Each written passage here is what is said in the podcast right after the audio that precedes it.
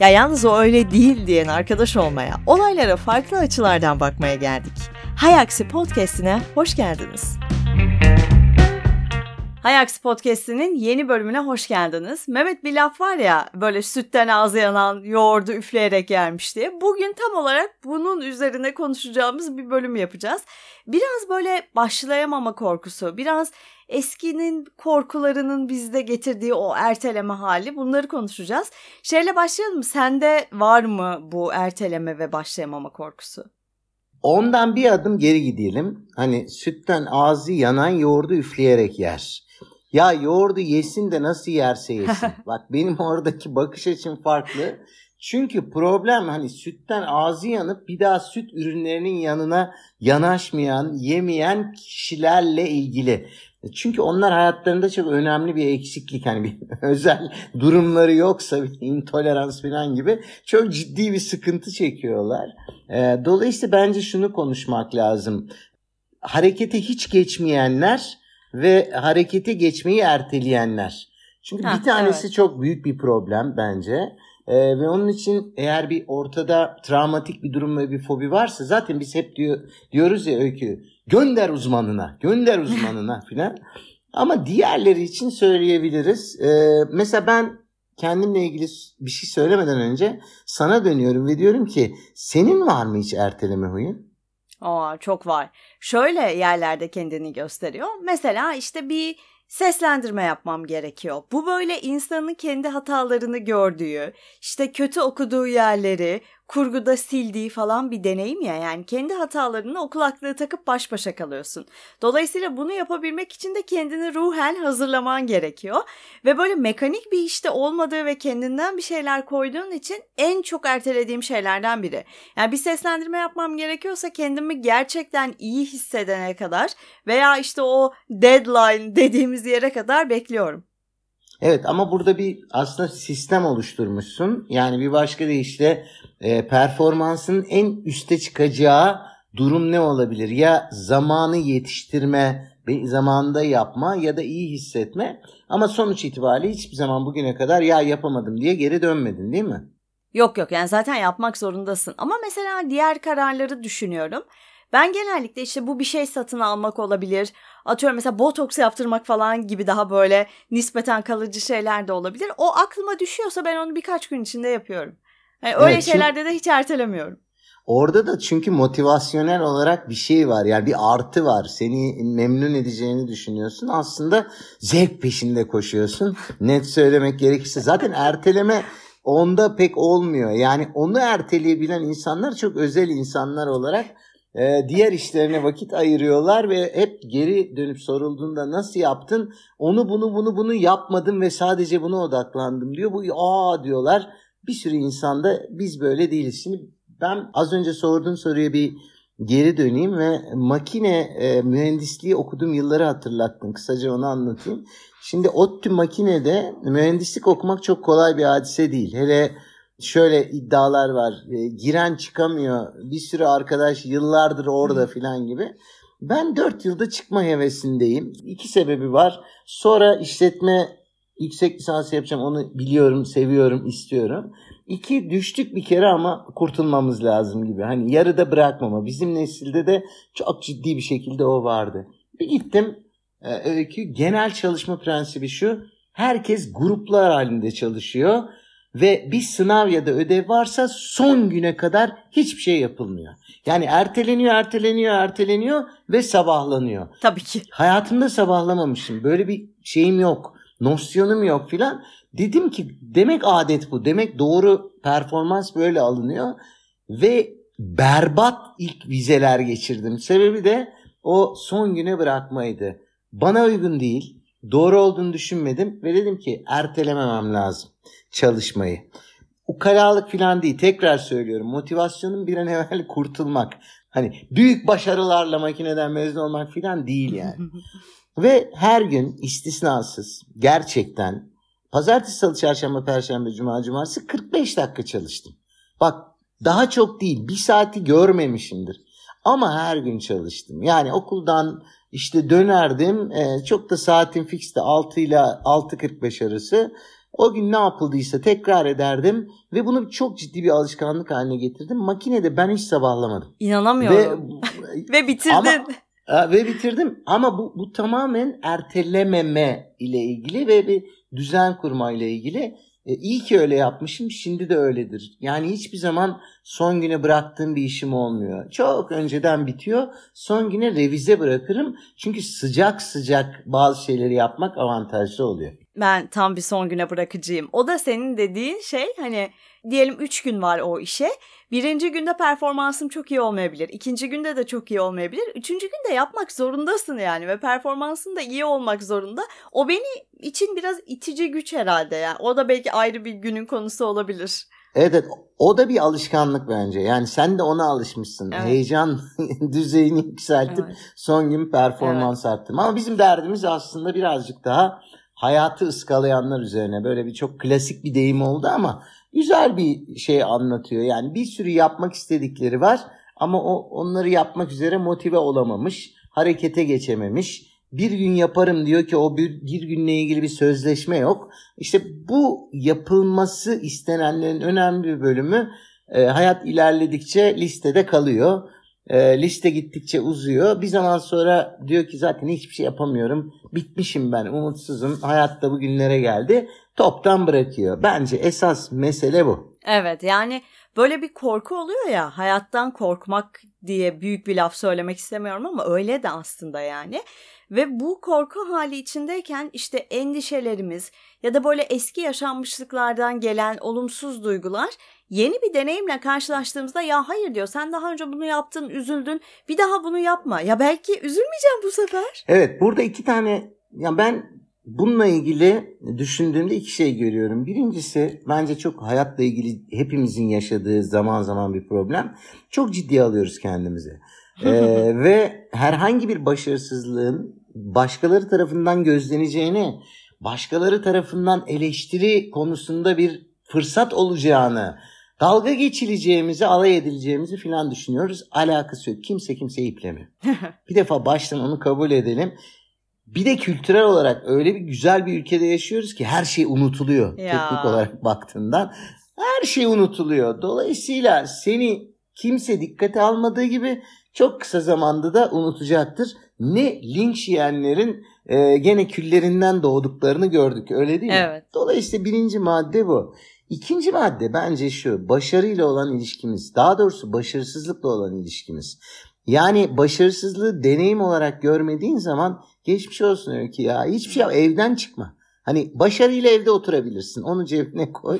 Ha, yedim içtim bugün doydum. Hani güzel en azından bugünü de hayatta kalarak geçirdim. Bu da bir başarıdır. E, çünkü evden çıktığından başarısızlık senin yanı başında seyahat ediyor. Hatalar yanı başında seyahat ediyor. E, nereye gitsen mutlaka üç doğru bir yanlışla birlikte geliyor. Ama bunu kabullenmek, bunu bir deneyim olarak görebilmek biraz olgunluk, e, biraz bakış açısının değişmesi, paradigmalarla oynama gibi şeyler gerektiriyor. Ya şunu da düşünüyorum. Sürekli başarılı olma zorunluluğu bize hayatımızın hangi aşamasında yüklendi acaba? Güzel bir soru. Ee, gene çok klasik olacak ama başarı nedir sorusuyla çok ilintili. Çünkü başarı dediğin şey sosyal genel e, istatistiki olarak kabul görmüş veya çevrenin onayladığı bazı hareketler. Ben mesela öyle düşünürse bir insanın gerçekten hayatta çok zorlanacağına eminim. İlişkisi de öyle ya. İlişkide başarılı olmak diye bir şey var. Aslında düşündüğünde çok uç bir şey yani. Hani iş hayatında birazcık daha hedef, rakam, performans bir şeye bakıyorsun ama Nedir yani? Belki yaşamak istediğin öyle çalkantılı bir ilişki. Bilmiyorsun ki yani. illa senin dışarıdan bakıldığında örnek ilişki budur filan. Benim en çok kızdığım noktalardan biri de o.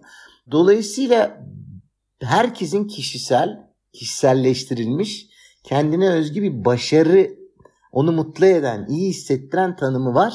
Kimse de kimseye karışmamalı. Ama dış referanslı yaşarsan, ah onlar benim hakkında ne diyecek dersen Öykü geçmiş olsun.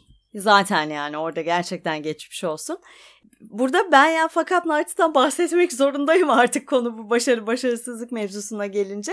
E, fakat Night'sı bilmeyenler varsa başarısızlık hikayelerinin anlatıldığı bir bar stand-up'ı organizasyonu diyebiliriz. E, yıllarca Ankara'da Ebru ile Mehmet yaptılar. Biz de yani neredeyse her Fuck Up Nights'a gittik. Oradaki başarısızlık hikayesini anlatan kişileri dinlerken şunu düşünüyordum. Ne kadar çok başarısız olurlarsa o kadar cesaretli hale gelmişler. Yani o insanlara bakıp diyordum ki ya tamam sen yani 10 kere düşmüşsün ama 11 kere kalkmışsın ve bir dahaki düşüşte kalkacağını biliyorsun. Bu ne kadar güzel bir şey. E evden çıkmasan, hiçbir şey yapmasan bir fikrin olmayacaktı. Ben başarısızlığı nasıl aşıyorum konusunda. Yani çok doğru derisi kalınlaşıyor. Öyle bir, öyle bir tabir vardır ya. Bu antrenman yapmak. Yani yola çıkıyorsun, düşüyorsun. Tabii ki acıtıyor, canın yanıyor. Tabii ki belli etkileri oluyor. İyileşme sürecin oluyor. Tekrar devam ediyorsun yola. Gene bir kaza geçiriyorsun. Gene düşüyorsun. E, belli bir zaman sonra kazaların etkileri azalmaya başlıyor. Çünkü çok güzel bir şey söyledin. Sonraki adımı biliyorsun. Yani ben nasılsa ayağa bir şekilde kalkıp devam edeceğim diyorsun. Alışkanlık haline getirdiğinde de başarısızlık diye bakmıyorsun zaten. Yani deneyim olarak bakıyorsun. Yani ne oldu? Yolda böyle böyle bir şey oldu. Oldu yani. Anlatabiliyor muyum? Dolayısıyla ben onu ciddiye alıp hayatımı değiştirecek, beni hareketsiz hale getirecek bir konuya çevirmiyorum. Ama bunun için mutlaka ve mutlaka yolda olman lazım. Hep aynı şeyi söylüyorum. Yolda değilsen hiçbir şey olmuyor hayatta. Tamam konfor alanı klişe bir laf ama yani onunla içinde kalmak çok güzel ama şu an bu podcast'i dinliyorsanız ve bir şeyleri yapmaya dair bir endişeniz varsa o itici güç biziz. Sonra suçu bize atarsınız. Siz bir başlayın. Dış motivasyon kaynağı ve iç motivasyon kaynağımız var. Doğru. Biz dış motivasyon olarak anca yürü, yürü, yürü evladım falan diyebiliriz. Ama e, sürükleyecek olan iç motivasyon çok seviyorsa bizi dinleyicilerimiz e, dış motivasyon ihtiyacı olduğunda tekrar tekrar bu bölümü dinleyebilirler. Ha, evet yani bizim bölümümüz gerekli platformlarda sonsuza kadar duracak. O yüzden açıp açıp dinleyebilirsiniz.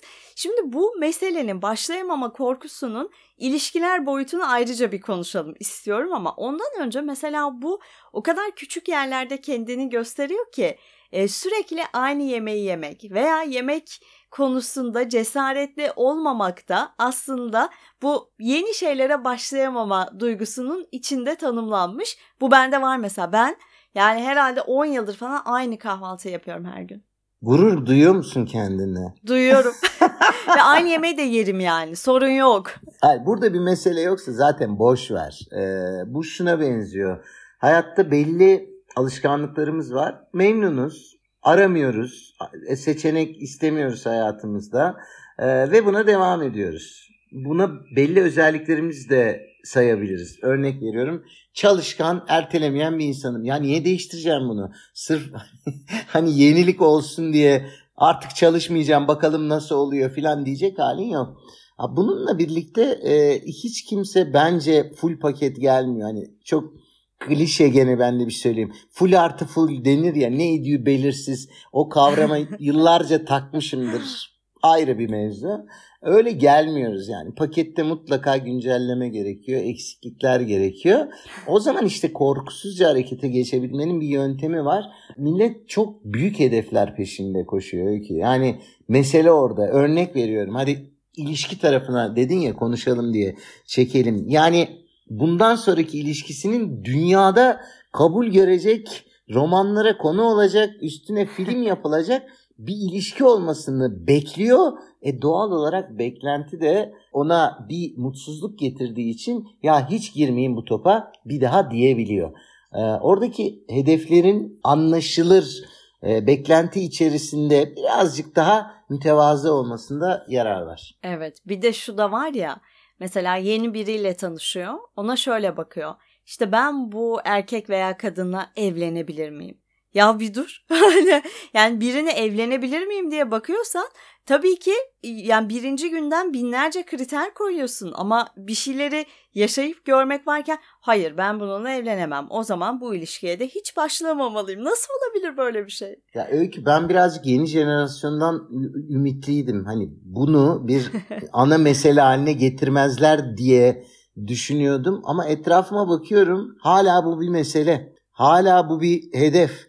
E, dolayısıyla aslında çok fazla daha iyi yaşanacak günler kaç kaçabiliyor. Çünkü o hedef ne kadar gerçekçi onu da tartışırım. Ya da o hedefe ulaştığında hayat sana mutluluk dışında bir şey getirmeyecek gibi bir ön yargıyla başlamak da çok sıkıntılı.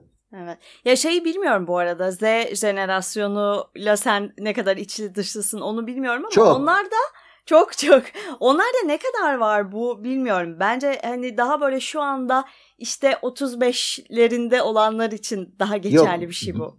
Yok bence öyle değil. Ee, üniversite mezuniyeti sonrası bizim kızların e, evlenen arkadaşlarına baktığımızda yani benim aklım almadı. Aa. Çok ciddi söylüyorum yani yaz boyunca sürekli gitmeleri gereken düğünler vardı ve düğünler inanılmaz da şaşalı vesaire yapıldı.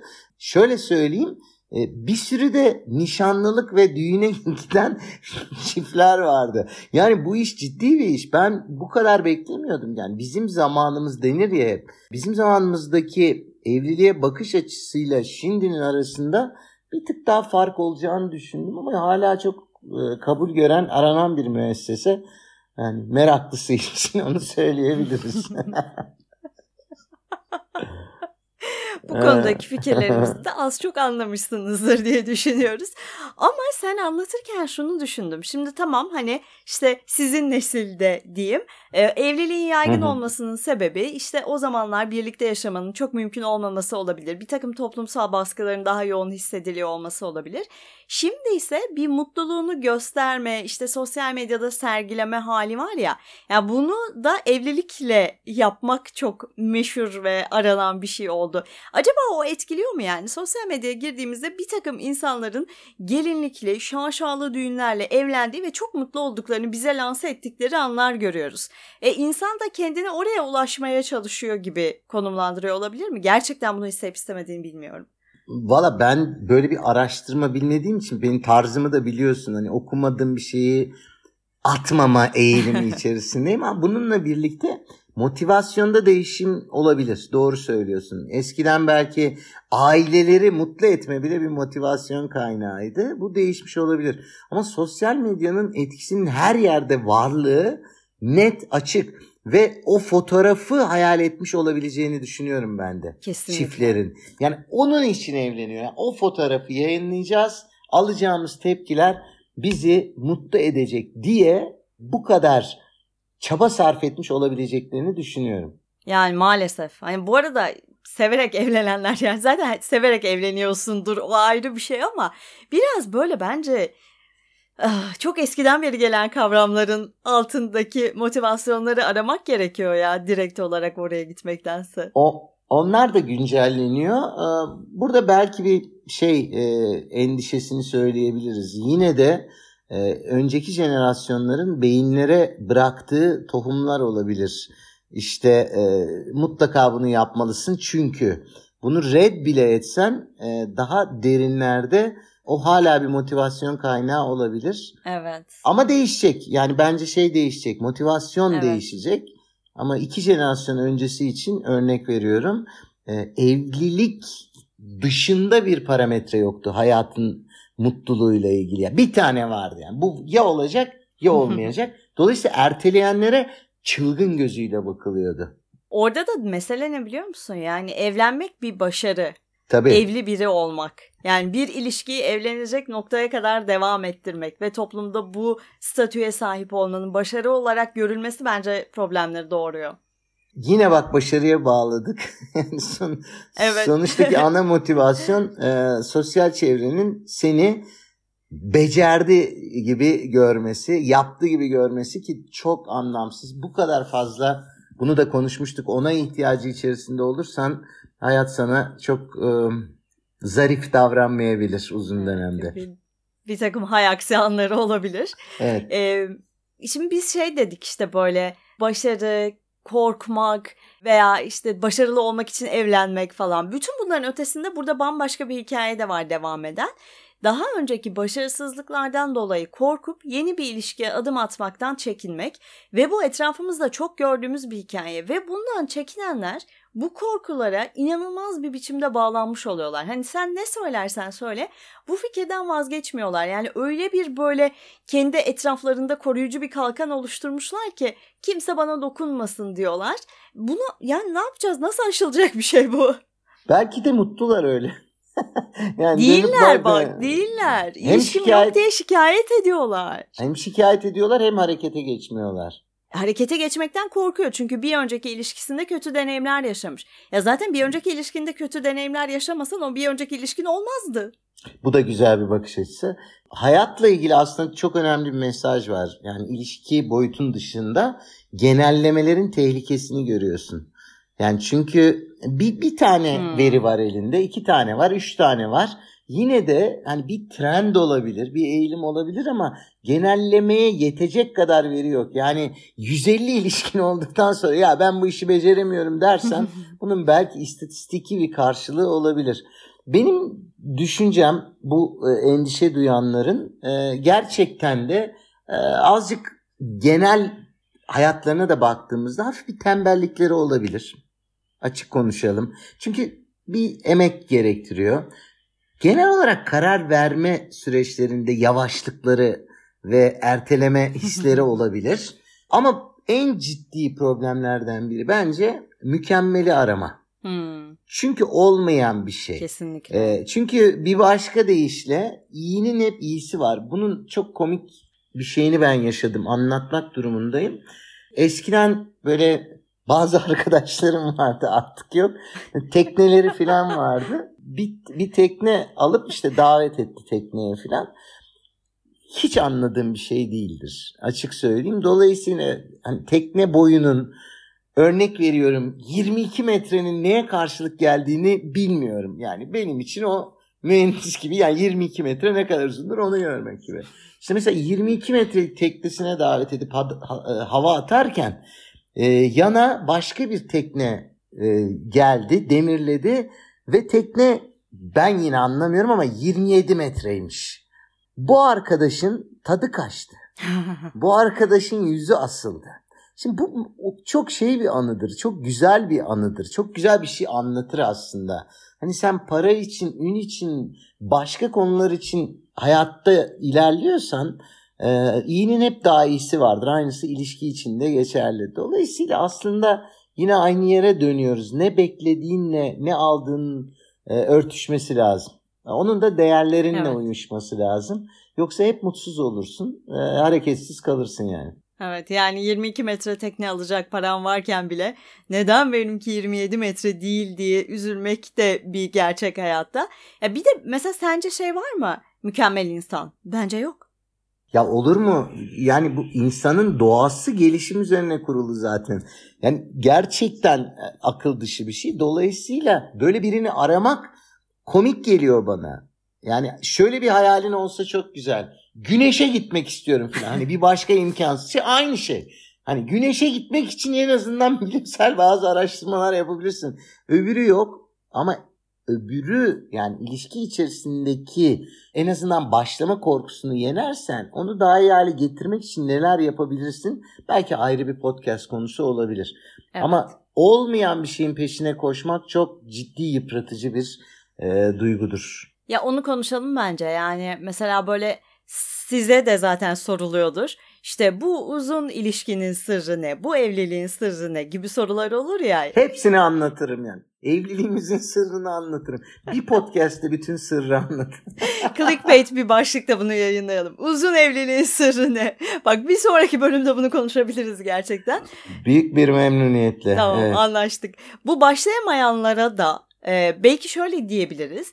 Yani bir önceki ilişkinizde yaşadığınız problemleri yine yaşayabilirsiniz ama onları çözmek için bir önceki ilişkide yapmadığınız bir takım farklı yollar deneyebilirsiniz. Zaten böyle böyle hayat bu, bu şekilde bir şey. Hiçbir deneyimden kaç, kaçıp evde oturayım ve en iyisi bana gelsin diyemeyiz. Zaten ilişki yönetimi dediğin şey yani bu normal sosyal ve veya işte de çok farklı dinamikleri olan, zamana göre fazlasıyla değişen, senin e, gelişimine göre çok değişen bir şey. Zaten bir önceki ilişkideki sen sen değilsin. Ya bu çok büyük bir hata. Yani bir yıl, iki yıl önce bitmiş ilişkideki kafanla, görüşlerinle, deneyiminle, alışkanlıklarınla şimdinin arasında aslında dağlar var. Yani düşün e, derilerinin üzerindeki hücreler defalarca değişmiş filan. Hakikaten sen değilsin teknik olarak baktığında. Yani hem metafor olarak fiziksel olarak da.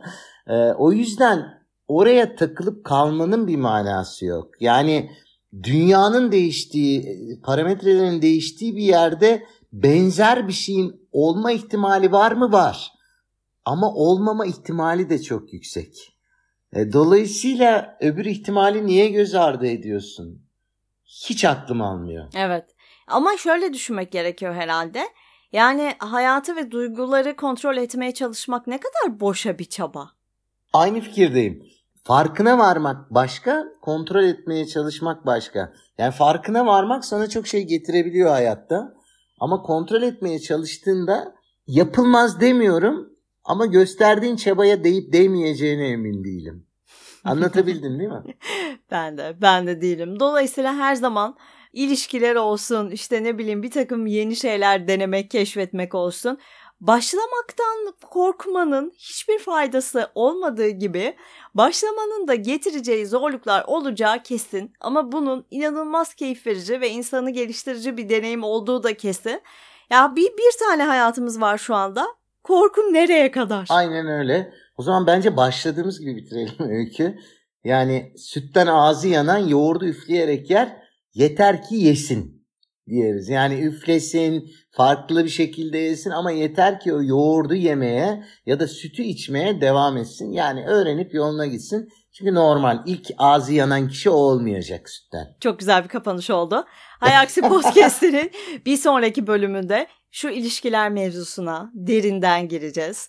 O zamana kadar lütfen yoğurt yemekten korkmayın. Hoşçakalın.